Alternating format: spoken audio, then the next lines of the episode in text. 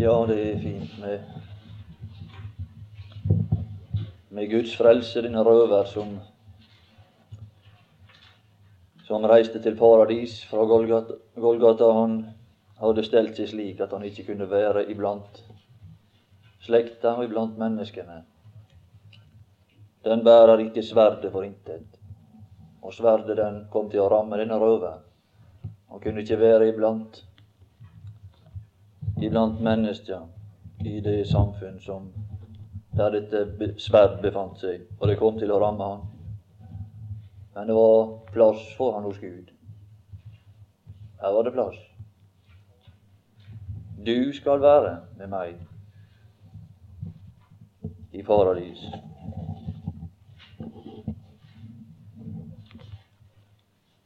Men før det blei sagt til han dette, så var det et uttrykk som var nødvendig. før han søkte sin tilflukt til Jesus, måtte der være en annen erkjennelse i hans sinn. Og han sa det, han uttrykte det, han sa Nå frykter jeg. Så sa han til den andre, frykter du? Frykter du ikke, for nå frykter jeg. Nå frykter jeg. Og Galaterbrevet sier det, at Skriften Galaterbrevet 3, 22, har lagt alt inn under synd.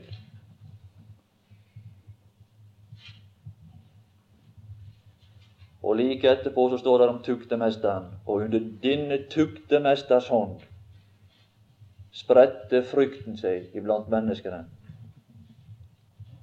Han var en mester til å tukte, og frykten, den når oss. Men sjå, hensikten bak. Sjå til Guds hjerte hva som er hans hensikt med dette. Det å frelse.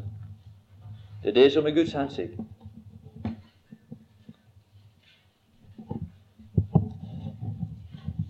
For at det som var lovt, skulle ved tro på Kristus Jesus bli gitt. Han er en giver, og han er en glad giver.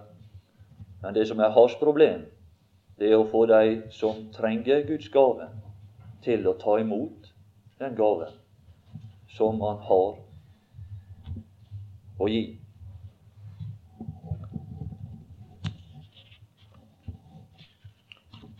Vi vil bare lese et par uttrykk innledningsvis i Romerbrevet, før vi går over til litt andre ting. Der skal vi igjen se disse to åpenbarelser som går side om side. Det er på bakgrunn av det at Guds rettferdige dom åpenbares en gang i framtida for oss ukjent, ukjent tidspunkt. Det er beskrevet i åpenbaringsboka. Jeg så de døde, små og store, stå for Gud. Men før den akt, sier Gud, at i nådens tid må jeg gi mennesker et lite inntrykk av det samme, for at mennesket må vende seg til Gud og bli frelst. Derfor står det at Guds vrede åpenbares fra himmelen. Men det er to vidt forskjellige resultat. I framtida er det ikke frelse, men i dag er det for å frelse.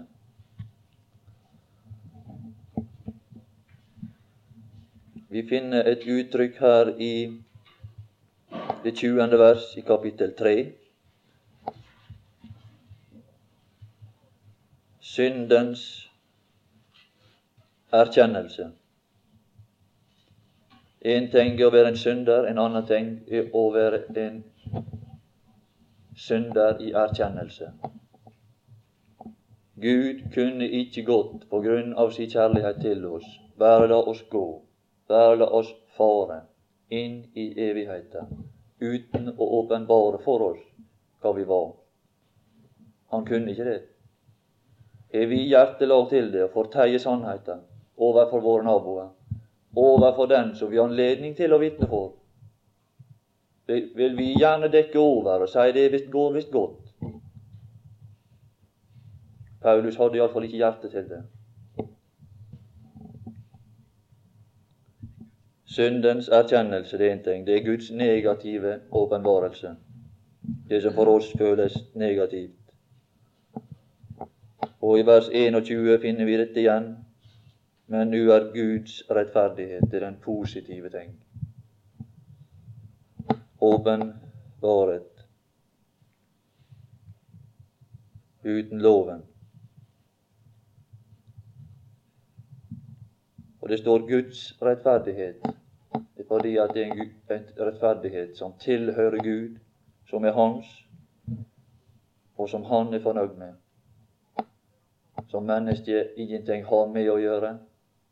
Det er ikke noe som tilfaller mennesket i tilberedelsen eller istandsettelsen av denne rettferdighet. Og det er rettferdighet som Gud ikke alltid har vært besittelse av, men som han er besittelse av fra Golgata. Og vi kan kanskje ta et, et uttrykk fra Salme 89 og vers 18 og se hva egentlig Gud hadde til hensikt med å sette i stand denne rettferdighet. Han hadde evne til å rettferdiggjøre også i Det gamle testamentet, og det står at vår far Abraham ble rettferdiggjort av tro. Det var Salme 89, 17. Men når Gud rettferdiggjorde i Det gamle testamentet, så var det på forskudd. Han gjorde det fordi han visste, uten å kunne vise til noe, så viste, visste han om at han en dag skulle skaffe til veie denne rettferdighet for alle. I ditt navn, 8917, skal de fryde seg hele dagen. Og ved din rettferdighet. Ved din rettferdighet så får vi et lite inntrykk hva egentlig Gud vil med dette. Ved å legge dette grunnlag. De blir opphøyet. Først rettferdiggjør han oss der vi er. Men når han har rettferdiggjort oss, så sier han det. Det gir meg ei glimrende anledning. For den som er langt borte, så kan jeg få ta denne først og rettferdiggjøre ham. Så kan jeg få opphøye ham. De blir opphøyet.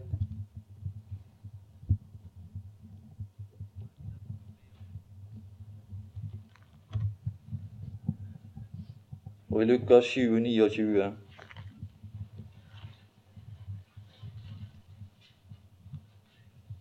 Bare lese det. Lukas 7, 29. Og alt folket som hørte Det er nødvendig å høre. Det er nødvendig å høre den Herre Jesus. Hørte ham og tolderne. De gav Gud rett skal vi gi Gud rett? Det er vanskelig å gi Gud rett, men det er nødvendig. Jeremias han ga seg en gang, sa han det. Når jeg holder trette med deg, sier han, så, så har du alltid rett. Tror du han er rett? Ja, han er rett. La oss bare gjøre som disse. De ga Gud rett. De rettferdiggjorde Gud. Og lenger nede står der visdommen er rettferdiggjort av alle sine barn, og rettferdiggjør vi Gud og hans handlemåte overfor oss. Og sa han det, ja, det er fint, det er godt. Så rettferdiggjør dere. For han er en ressurs. Guds rettferdighet er tilgjengelig for oss. Så står det i Romerbrevet, som fører oss på, litt, på et litt annet område. Loven og profetene vitner om denne rettferdighet. De vitner om den, står det i 21, vers 21 av kapittel 3. Loven og profetene vitner om Guds rettferdighet. Vitnesbyrdet det var vanskelig å se i Det gamle testamentet. Det var ikke godt å se. Men når vi fikk se sannheten, når vi fikk se Guds rettferdighet åpenbart utenom loven, så kan vi, når vi har sett Guds sønn, se hans bilde igjen i Det gamle testamentet. Og den vitner. Det er det den vitner om. Den vitner om Guds rettferdighet. Så når vi går tilbake til Det gamle testamentet, så veit vi hva vi skal se etter. Vi må se om vi finner Vi må se om vi finner de guddommelige kvaliteter. Guds rettferdighet. Og vi skal ta et vitnesbyrd ifra loven om Guds rettferdighet. Og vi leser i 5. Mosebok. Vi kommer til å oppholde oss ei stund her. Og vi skal lese fra 5. Mosebok 10. Og vi leser der ifra det første vers. På samme tid sa Herren til meg Det som gjenger forut her, det er det at det har skjedd noe. Det er en krise i Israels historie. Og her er ikke noe tid å spille. Derfor så sier ikke Gud at dette her er ikke så nøye, det er bare å la, la tida fare. Det er bare å la tida fare, så tar det igjen en annen gang. Det er ikke så nøye med det. Nei, her var tidsnød. Og det tidsnød, det var tidsnød en dag for Gud, for å skaffe til veie ei frelse for oss. Og her ble det ikke noe utvikling i dette folks historie, ikke noe vandring, før dette forhold var brakt i orden. Og vi skal se at det som var nødvendig å bringe til veie, det var Guds rettferdighet for alle.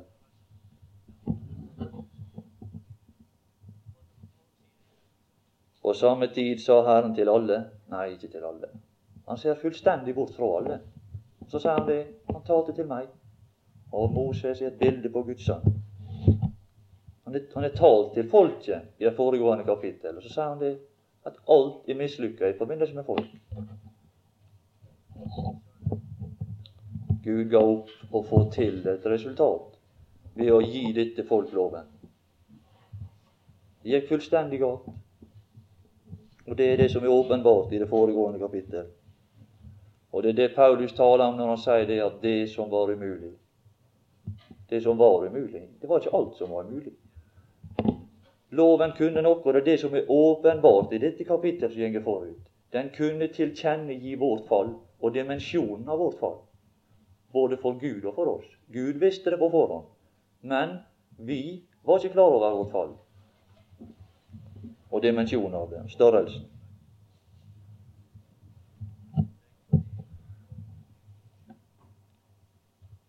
Ja, la oss tenke oss det. At disse to her på dette høye fjell, som de egentlig har satt på disse to Moses er et bilde på ham som er adgang til Gud. Kristus, Guds sønn, som er adgang til Gud. Så gikk han opp der. Det er trivelig å være her oppe sa han. Dette folket her nede, de vil bare ta livet av meg. De plager meg. Slik var det også for, for Jesus når han var i verden. Men han var ikke Han hadde en vei å gå. Når at alt var han imot, så gikk han bare til Gud. Så var han den som beveget seg like inntil Gud. Så sa han det, jeg takker deg, Fader, for alt var imot ham. Og slik er også denne Moses. Han gikk, men Moses gikk. Så gikk han til Gud. Og slik er Guds sønn. Og Moses La oss tenke oss de sitter der, disse to. Gud og Guds sønn, og så ser de utover denne verden. Så ser de alt i ruiner. Og så taler de sammen, disse to.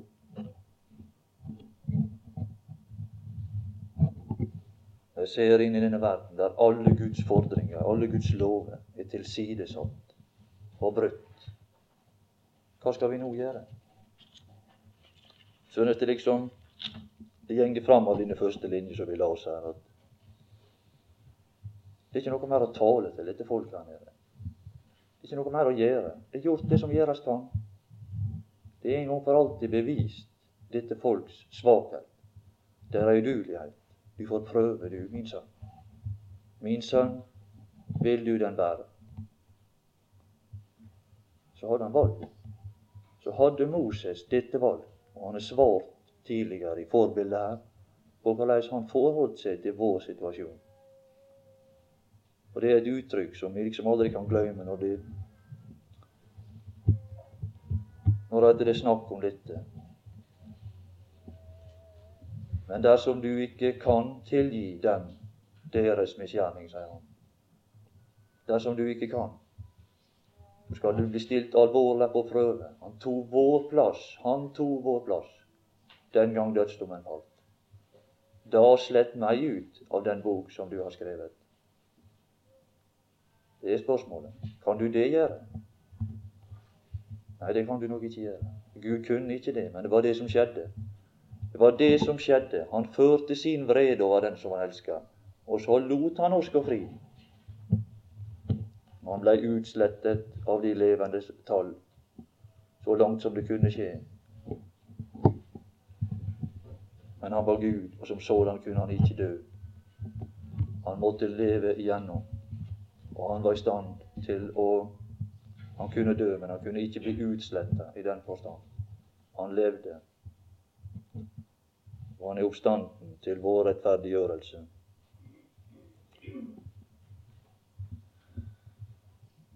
Her får vi høre Hugg deg ut to stentavler. Her er det snakk om hva han skulle gjøre. Her er det ikke snakk om hva vi skal gjøre.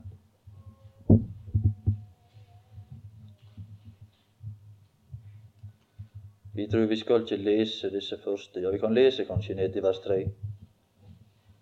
Like som de første. Og stig opp på fjellet til meg, og gjør deg også en ark av tre. Så vil jeg skrive på tavlene de ord som sto på de første tavler, de som du slo i stykker, og du skal legge dem i arken. Og vi leser det som egentlig skjedde ifra vers 3. Fra 1 til 3 er det bare en beskrivelse av det som skal skje. Fra vers 3 er det en beskrivelse av det som skjedde. Og der får vi den riktige rekkefølge av det som skjedde.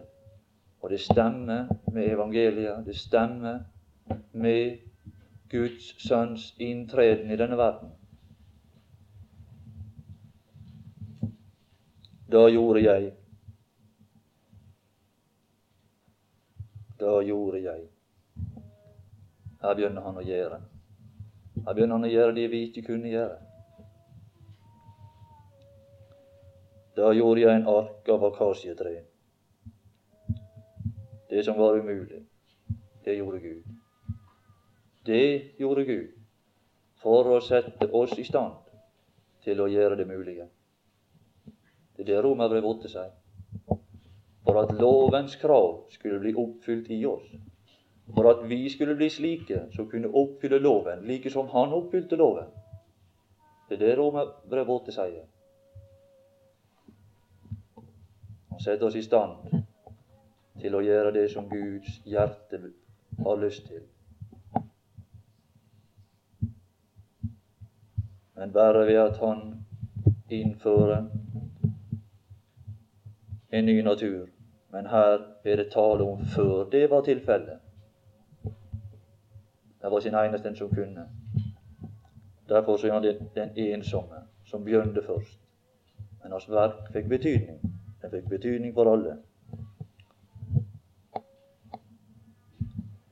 Og det er akkurat det som Romerbrevet 8 sier der, at i syndig kjøds lignelse, det er denne ark denne ark er et bilde på Gud i syndig kjøds lignelse. Jeg gjorde en ark av akasietre. Tre er ikke noe edelt materiale. Og dette akasjetreet det vokser overalt i arken. Og det er Guds sønn i syndig kjøds lignelse. Vi kan lese Romerbrev 8.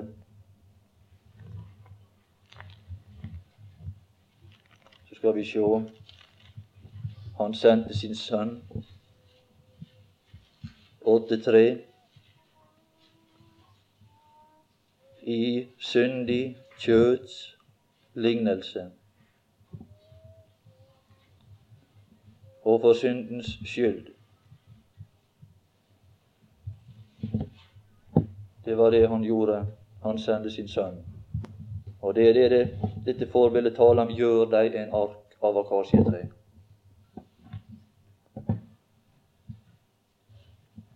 Moses i for, dette forbildet, han taler ikke om denne ark av akasjetre, men han er den som er den levende Guds sønn. Artja taler om hans ytre væreform, slik som mennesket så han. Moses, han er den levende Guds sønn, som er evne til å bevege seg både i himmelen og på jord. Det er også et bilde av Jesus. Men der er det han som er krefter, som er evne, som han er åpenbart i Johannes evangelium. Slik som han var for Gud, slik som Gud hadde kontakt med ham. Og vi finner det i Johannes 3 og vers 13 disse kjente uttrykk. Menneskesønnen, han var ikke begrensa av å være verdig nok av akasietreet, slik som verden så han. Men samtidig så var han den som hadde krefter og evne til å bevege seg både i himmelen og på jord. Men verden så bare denne ark av akasjetre. I syndig kjøtts lignelse. Du er så lik, sa de. Vi ser bare syndig kjøtt. Men Gud så ikke bare syndig kjøtt. Og vi så Hans herlighet. Noen få så denne kontakt som han hadde med himmelen. Men som den som var der oppe på dette høye fjell, var det bare én som satte pris på ham. Her nede var han for mange, men der oppe, der han egentlig hadde sin største betydning, kontakten med det himmelske, var bare Gud som satte pris på. Virkningene kunne alle sette pris på i den grad de hadde evne til det. Johannes 3 og vers 13. Det er et kjent uttrykk. Menneskesønnen, ingen er steget opp til himmelen. Her er Moses som steg opp, den Moses steg opp til Gud. Så gikk Moses. Ingen har steget opp til himmelen uten Han som er steget ned fra himmelen. Denne vekselvirkning, og det hadde han hver dag. Om morgenen så begynte han. Han gikk ut til et øde sted. Og så sa han, 'Jeg må opp til Gud. Jeg må opp til min far.' Jeg må ut til et øde sted for å være i kontakt med min far. Og det er det viktigste for meg. Det er der jeg henter all min kraft ifra. All min tilførsel er fra min far. For å kunne være noe for disse som er iblant. Som vil ta i forsvar under alle forhold. Og de finner det samme i 1 og vers 18. Ingen har noensinne sett Gud. Han var den ene som hadde adgang til Gud. Var den ene. Ingen skal gå med deg opp. Ingen skal gå med deg opp, var det sagt.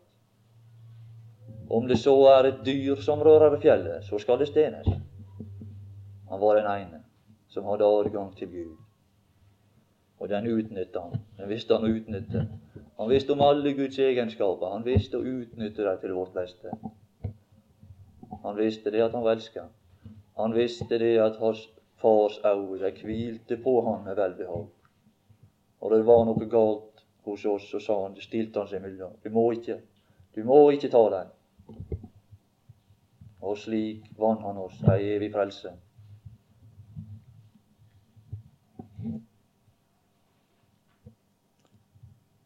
Ingen har noensinne sett Gud. Den, den, den enbårne sønn. Som var Nei, ikke som var. Som er. Det er han som har adgang til Gud. Som er hos Gud. Like så fullt som han er her, så er han hos Gud. Han er stadig i kontakt med Gud. Slik var hans jordeliv. Han var, hadde både adgang til himmelen, og han var på jord. Her nede ble han sett som denne ark av akasietre gjør deg en ark. av akasietre. Filippenserbrevet 2,7.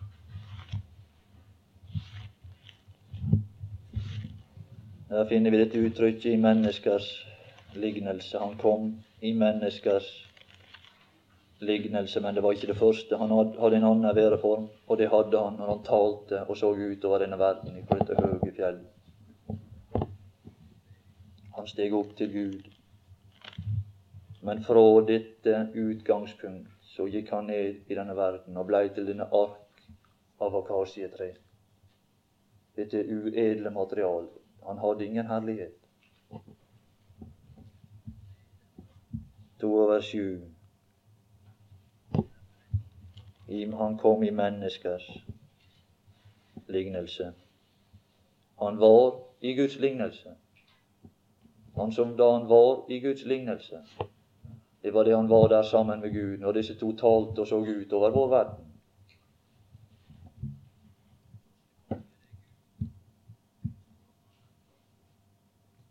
Og vil kunne også bare ta et lite uttrykk, Matteus 13, 55, for å gi de som så den ark, hva de sa. Denne så den ark av akasjetre. 13, Matteus 13, 55.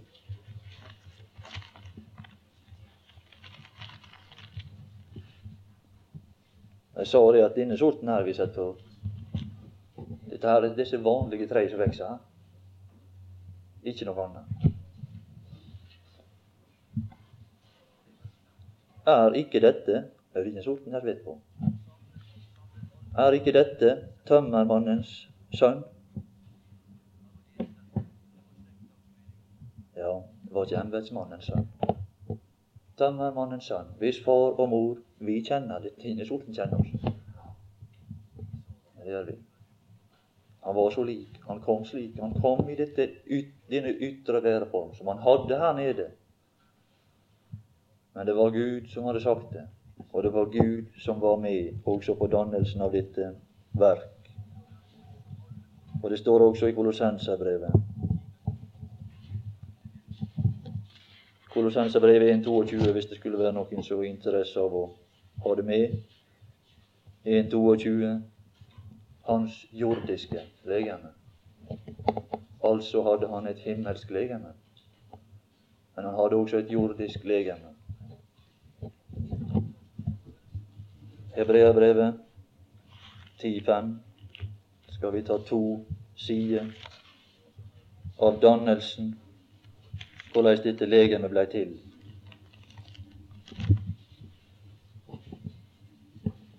Vi kunne si det at Gud ga han et legeme. Det er sant.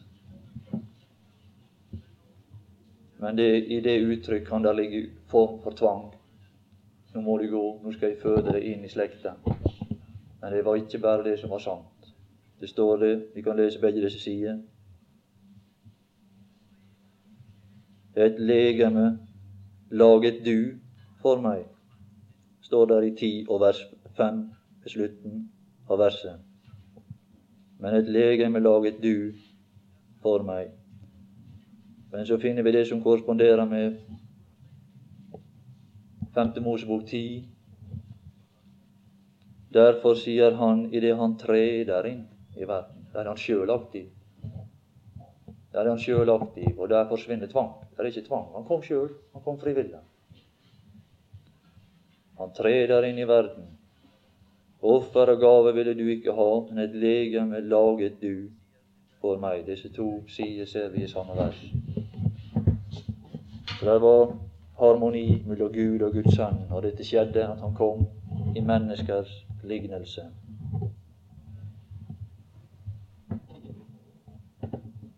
Og det stemmer også med rekkefølga.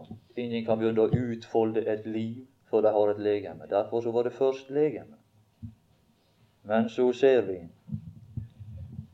at når dette legemet er danna, så begynner det en utfoldelse i dette legemet. Og det som styrte denne utfoldelse i dette legemet, det var to tavler, står det. Hva er det for noe? Ja, det står det at det er hjertet. Det er hjertets kjødtavler, står det i andre Korinterbrev. Og det er hjertet disse to tavler taler om. Andre Korinterbrev 3 og vers 3. Det er for så vidt ikke så mye vi skal ha med. Bare det, det uttrykk for å få det til å stemme. Og du kan tro, dette er ikke noe med fantasi å gjøre. Dette er den guddommelige veiledning til forståelsen av disse ting.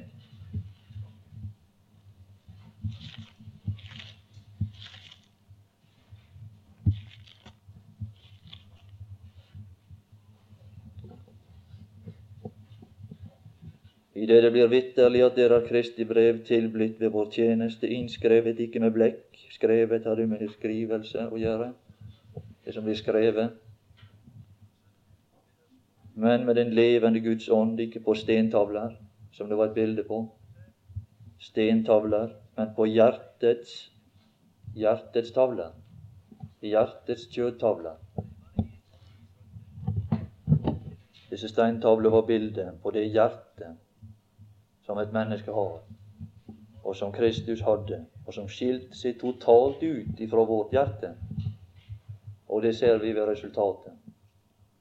Når loven kom til vårt hjerte, så gikk det galt. Men når loven kom til hans hjerte, så gikk det bra. Det gikk godt. Og Vi finner det også i Romerbrevet 2,15. Det vil ikke lese, men jeg kan bare sitere det at det står der at det viser da at lovens gjerninger er skrevet i deres hjerter. Og det var skrevet i våre hjerter. Det var det som først skjedde. I det foregående kapittel skrev Gud skrev Gud loven i Israels hjerte, og det gikk galt. Og disse tavler som var skrevne, de ble knust ved foten av fjellet. Og Det taler også om Golgata. Vi kan også lese flere uttrykk om dette. Esekiel 11, 19.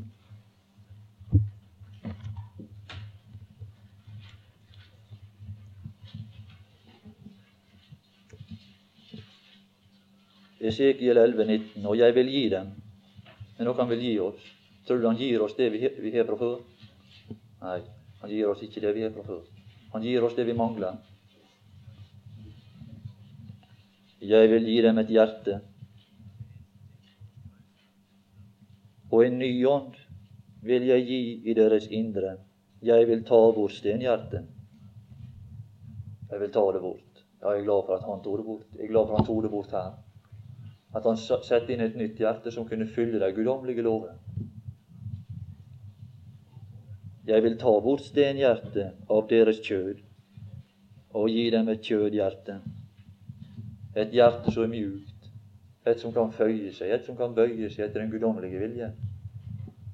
Men når loven kom til dette steinhjertet, det var ikke noe svar, det var ikke noe respons. Det var ingenting annet enn bare å knuse alt, bli ferdig med det. Men det gikk ikke for seg uten dom. Og han som måtte bære det, det var denne som tok vår sted. Han tok vår plass. Denne Moses. Kristus Guds sønn. Og skal vi lese ordspråket 423, dette fine uttrykk. 423 i ordspråket.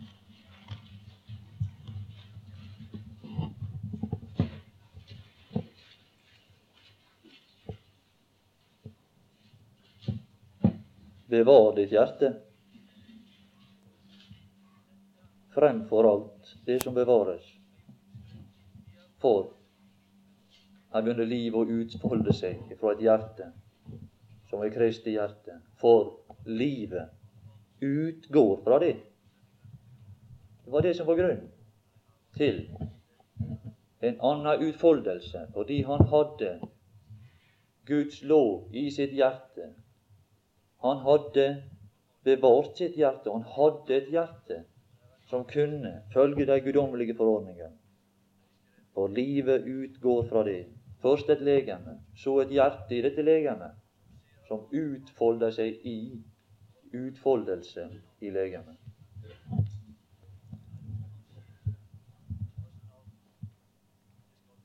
Skal vi lese også Matteus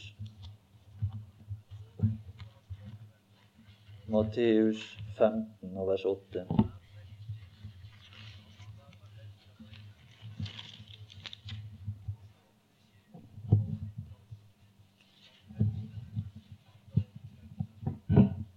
Dette folk ærer meg, men det stikker ikke ut, sier han.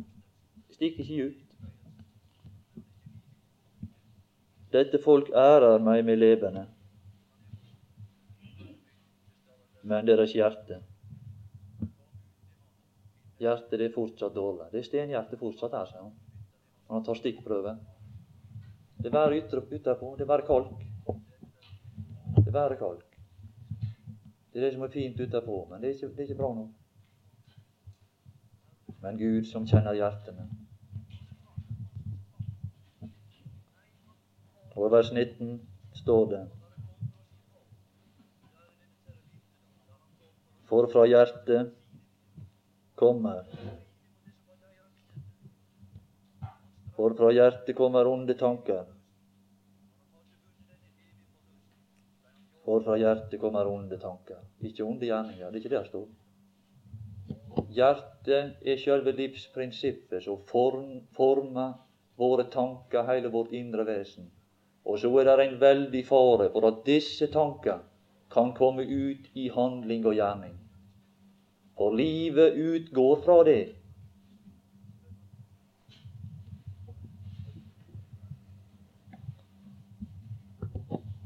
Matteus 19, 8.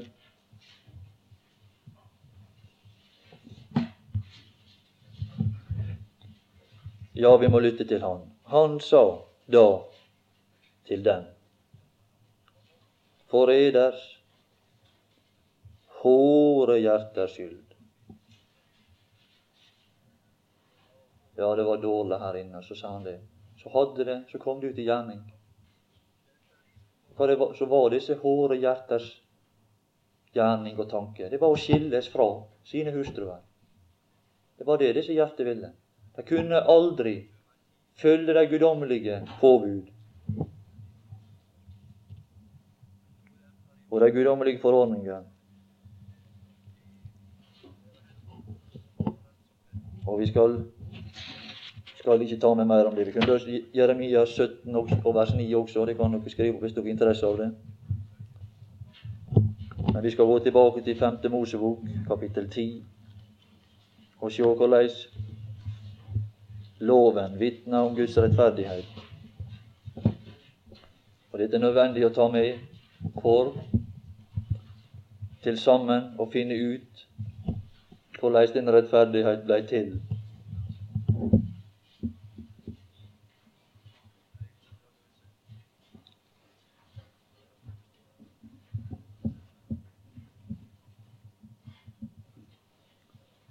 Gjør de to stentavler like som de første. Her er de første også omtalt. Og hva var de? Hva, hva med de? Jo, de ble knust. De ble knust, og det taler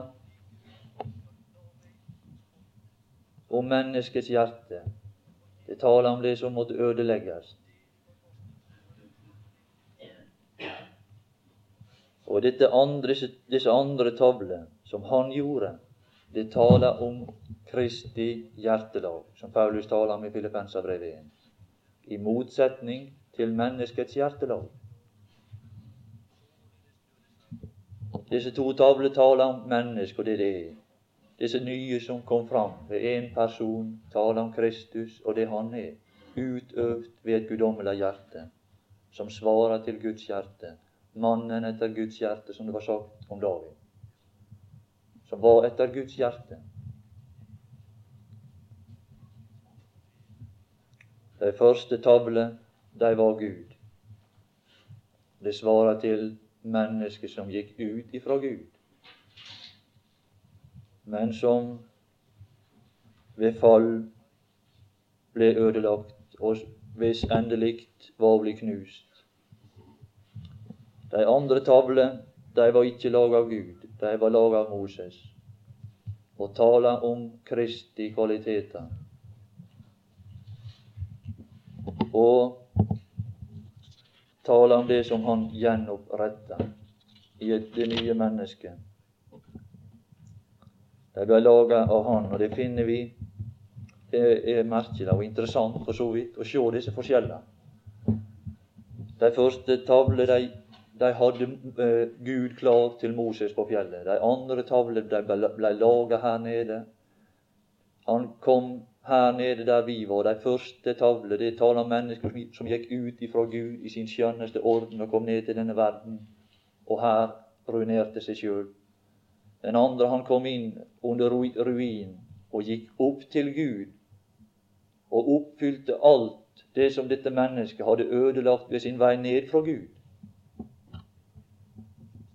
Og vi ser det i det, den andre Mosebok 31, 18.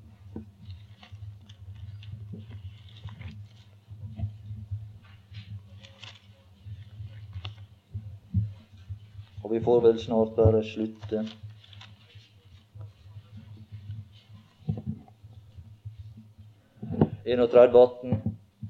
av andre Mosebok. Og da han hadde talt ut med Moses på Sinai berg, gav han ham vitnesbyrdets to tavler.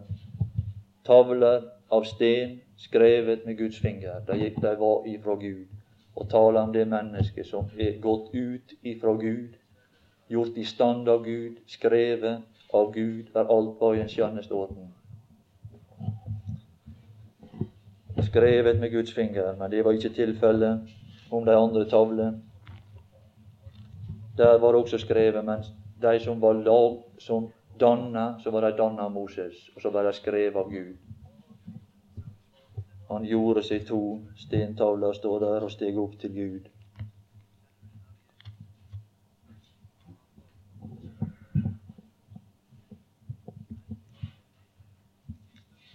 disse to tavler, i dette totall, der er det også den tanke skjult at han trådte inn i denne verden. Så var det med tanke. Så hadde han ei vid hensikt. Han kom inn i denne verden med tanke på to folk, jøde og hedning. Han oppfylte lovens krav med tanke på, på begge disse to, for å tilveiebringe ei frelse for oss som kunne være vid nok for at alle kunne gå inn for at alle kunne komme til å bli i Kristus, som denne ark egentlig taler om. Den taler om dersom noen er i Kristus. Dersom noen er innslutta av Kristus, så denne ark tillaga for den som skal ha sin plass i Kristus. Og det er det eneste gjenstand i tabernakelet som er laga for å skjule noe. De andre gjenstand i tabernakelet er for å åpenbare noe. Og den skjuler vår fortid. Den skjuler alt det gamle. Og det er nok. Gud trenger ikke å lage flere gjenstander. Han er ferdig med det. Og så lager han et gullalter foran tronen, så vi kan få gå fram til og bede og takke og tale med Gud. Fordi der inne hos Gud, nærmere Gud, er gjort forsoning og forlikelse i forbindelse med Guds trone. Og over, over, over dette verk, der hviler Gud i fullstendig harmoni. Og skulle ikke jeg og du hvile i det verk som har stedfortreder, begynte på i denne verden. Og det begynte så ringe, det begynte med denne ark av akasjetre. Men det enda ikke der. Når denne ark var ferdig, så var det den mest vidunderlige gjenstand av alt i denne verden. Det er vitnesbyrdets ark, som var kledd med gull, men den ble ikke kledd med gull i verden. Den ble kledd med gull først da den var brakt inn i helligdommen. Da han gikk tilbake der han kom ifra, kledd med gull og pryda med en nådestol. Og midt inni dette, der er vi, jeg og du, min venn, frelst og fri. Frelse for tid og for evighet. Nåde nok for meg. Men vi skal se litt nærmere på dette i neste time. Ja, Herre Jesus, vi takker deg for denne solfylte dag. Og vi takker deg for nådens sol, som du har latt skinne i våre hjerter. denne varme og disse stråler som trenger inn til vår formørkede forstand og varmer oss og gjør oss så godt. Så kjenner vi at egentlig hos deg, der er det best. Og mitt hjerte er urolig. Mitt hjerte er urolig inntil det finner hvile i deg.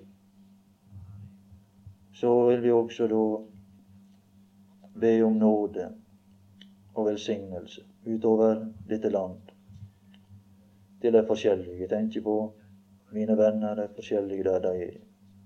Håkon Helland der han er, og du gir nåde og velsignelse til disse unge som er samla om Skriftens ord. Ja, Herre Jesus, du ser det nød i denne verden.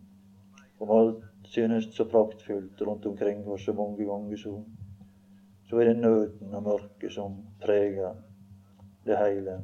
Og så er du blitt vår redning og vår hjelper og vår trøster. Og den som en dag, når det blir for mørkt i denne verden, skal ta oss ut. Og du skal rykke oss ut og ta oss til deg. Og vi takker deg for det. Og vi takker deg for nåde og hjelp og for din velsignelse. Og du fortsatt være med oss. Og la oss kjenne den varme som går ut ifra ditt vesen. La det lukkes. I Jesu navn. Amen.